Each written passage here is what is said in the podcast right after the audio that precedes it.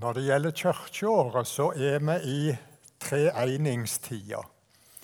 Uh, ifølge Kopperud det offisielle navnet på pinsetida, som varer ut kirkeåret. Den grønne fargen understreker tida sin karakter av vekst og modning. Det er snakk om vekst i kristenlivet. Etter vedtak i Kirkerådet og bispemøtet er det på enkelte søndager valgt en annen eh, bibeltekst enn evangelieteksten som preiketekst. Og sånn er det kommende søndag.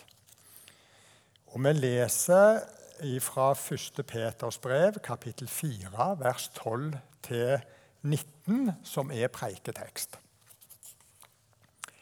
Mine kjære, undra dykk ikke over den eldprøva det må gjennom, som om det hender dykk noe uventa. Men i samme mån som det får del i Kristi lidinger, skal det glede dykk, så det òg kan juble av glede når Han åpenbærer seg i sin herligdom. Særlig er det når de spotter dykk for Kristi navns skyld. For Guds ande, herligdommens ande, hviler over dykk. Sjå bare til at ingen av dere må lia straff som morder, tjuv eller ugjerningsmann, eller for å ha blanda seg opp i sakene til andre. Men li noen fordi han er en kristen, skal han ikke skjemmes, men prise Gud for dette navnet. For nå er tida kommet da dommen skal ta til, og han skal ta til med Guds hus. Men kjem dommen over oss først, hva ende skal så de få som er ulydige mot Guds evangelium? Og Er det vanskelig for den rettferdige å bli frelst, hvordan skal det da gå den ugudelige og synderen? Derfor skal de som lider etter Guds vilje, overgi sin sjel til den trufaste Skaperen og gjøre det gode. Slik lyder Herrens ord. Det er kanskje sånn med dere som med meg at jeg må lese bibelteksten flere ganger for egentlig å få tak i hva den inneholder. Ikke dumt å lese den i forskjellige bibelutgaver og på forskjellige språk heller. Noe av det første som slo meg, var dette med ildprøve de må gå gjennom. Og eh, denne dommen som begynner med Guds hus. Og videre dette med å glede seg. Kan en være salig når en blir spotta for Kristi skyld? Og hva betyr det at Den hellige ånd hviler over noen? Hva tenkte du først på da du hørte at jeg leste bibelteksten? Dette er en brevtekst, første Peters brev. Hva var den opprinnelige situasjonen? Adressaten var kristne i Lille-Asia, tilsvarende nåværende Tyrkia. Og De var kristne av ikke-jøder, sikkert. De fleste, kapittel 2, vers 10, sier noe om det. Men det var nok òg jødekristne. Og Situasjonen, innholdet i dette korte brevet, viser at det var forfølging. Kristne ble anklaga og baktalte. Og bare det å kalles en kristen førte anklager med seg. Leserne blir oppfordra til å holde ut og leve et helstøpt liv med gode gjerninger. Hvis vi ser på den nære konteksten eller sammenhengen dette står i, altså fra begynnelsen av kapittel 4 i 1. Peters brev, så ser vi òg at det, det, er snakk om Kristi lidelser.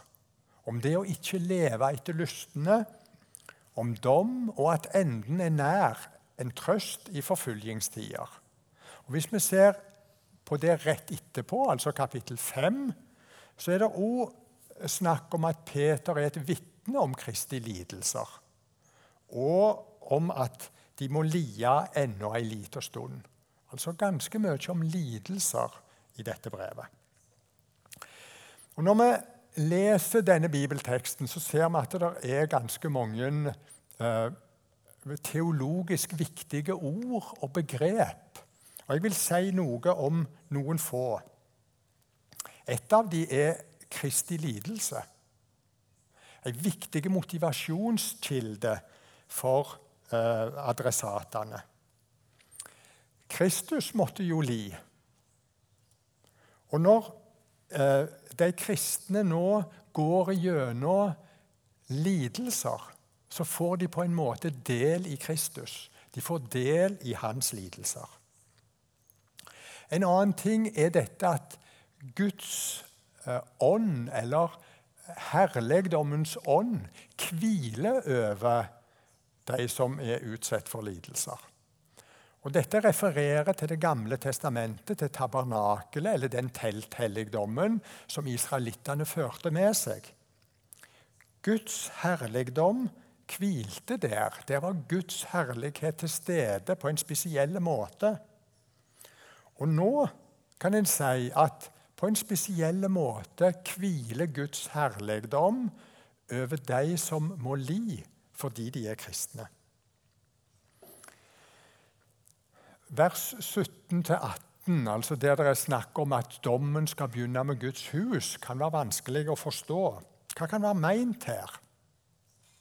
Dette å gripe tilbake til Det gamle testamentet.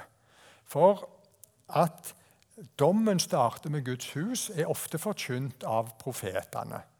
Amos kapittel 3 og vers 2 snakker om straff for folket sine synder. Og det skjedde nettopp fordi de var Guds utvalgte folk, altså i kjærlighet. Og Forfatteren av 1. Peterbrev snakker om at nå er de kristne bygd opp til et nytt hus, et åndelig hus. Og det er altså dette nye huset i dette, altså menighetene som, som uh, brevet er skrevet til, at dommen tar til. Forfølging og lidelse pga. kristennavnet peker framover mot den endelige dommen. Vi kan spørre ser forfatteren av brevet den lidelsen som de kristne nå går gjennom, eh, som en del av dommen. En frifinnelsesdom.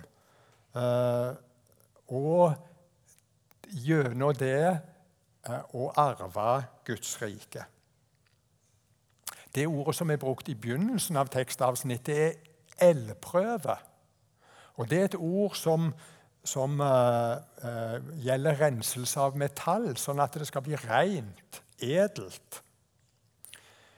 Gjennom denne lidelseseldprøven skal de få del i det endelige Guds rike. Og Kanskje den siste tingen jeg vil nevne, er Eh, det som står på slutten om å overgi sin sjel eller sitt liv til den trufaste skaperen. Det ordet som er brukt her, betyr å overgi noe, eller overgi en eiendom eller eiendeler til noen gode venner, sånn at en er sikker på at de, de forblir trygge. Og Her er det snakk om den trufaste skaperen. Altså kan vi være trygge på at eh, når vi overgir livet eh, til Han. Han er fullt og fast å stole på. Hva skal en så preike over kommende søndag?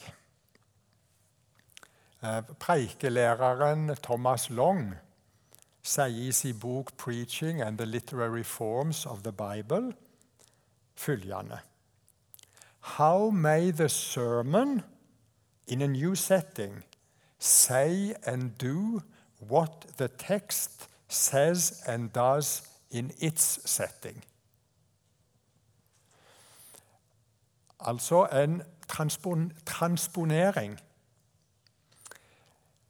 fra det som var bibelteksten sin eh, budskap, og det teksten gjorde gjennom dette budskapet, i sin tid til det preika skal seie og gjøre i dag overfor akkurat de tilhørerne som skal høre denne preika kommende søndag.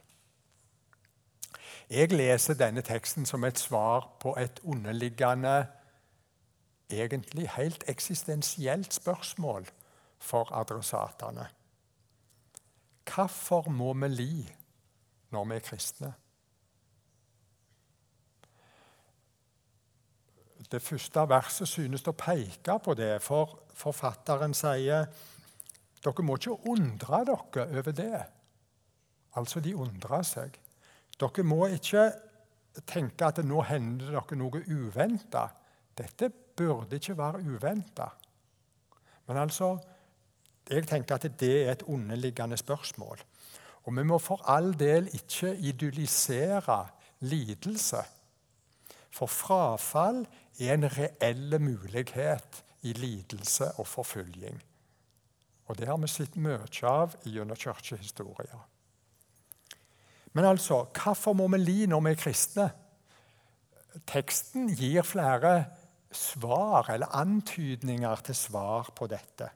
Jo, da får du del i Kristus, i Kristi lidelser. Da hviler Guds ånd over deg. Det å li et tegn på at den endelige utløsninga er nær. Og du kan trygt overgi deg til den trufaste skaperen, for han vil ta vare på deg. Og hva så med vår tid? For oss i Norge synes det å være lite lidelse pga. kristennavnet. Paulus og Barnabas sine ord i apostelgjerningene 14, 22 synes å passe dårlig på oss når de sier vi må gå inn i Guds rike gjennom mange lidinger. Er det fordi vi er blitt så tannløse? Er vi blitt for feige til å stå opp for kristennavnet, sånn at det ikke skaper noen motstand? Denne søndagen bør i alle fall en, være en dag der vi løfter blikket mot den globale kirka. Det er uendelig mange som må li for sitt skyld, som blir forfulgte, som blir utsatt for kirkebrenning, som blir utestengte fra arbeidsplasser og samfunnsliv, ja, som til må bøte med livet.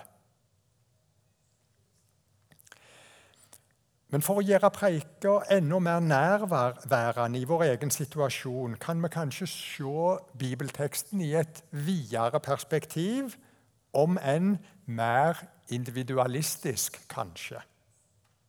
Når vi møter motgang, vansker, sykdom, problem, depresjon, mørke, gudsfravær Kanskje det er noe av det Gamle testamentteksten fra Salme 13 eh, snakker om. Hvor lenge, Herre, vil du glemme meg for alltid? Hvor lenge vil du gjemme andletet for meg? Hvor lenge skal jeg ha uro i sjela og sorg i hjertet dagen lang? Hvor lenge skal fienden ha makt over meg? Svar meg, svar meg, Herre min Gud. Gi øynene mine lys, så jeg ikke sovner inn i døden. Men på tross av sånne tider og sånne situasjoner kan jeg overgi min sjel til den trufaste skaperen og gjøre det gode. Og Kanskje da vi kan få oppleve det denne salmen avslutter med. Men jeg setter min lit til de miskunn. Mitt hjerte skal juble over de frelse. Jeg vil synge for Herren, for Han har gjort godt imot meg.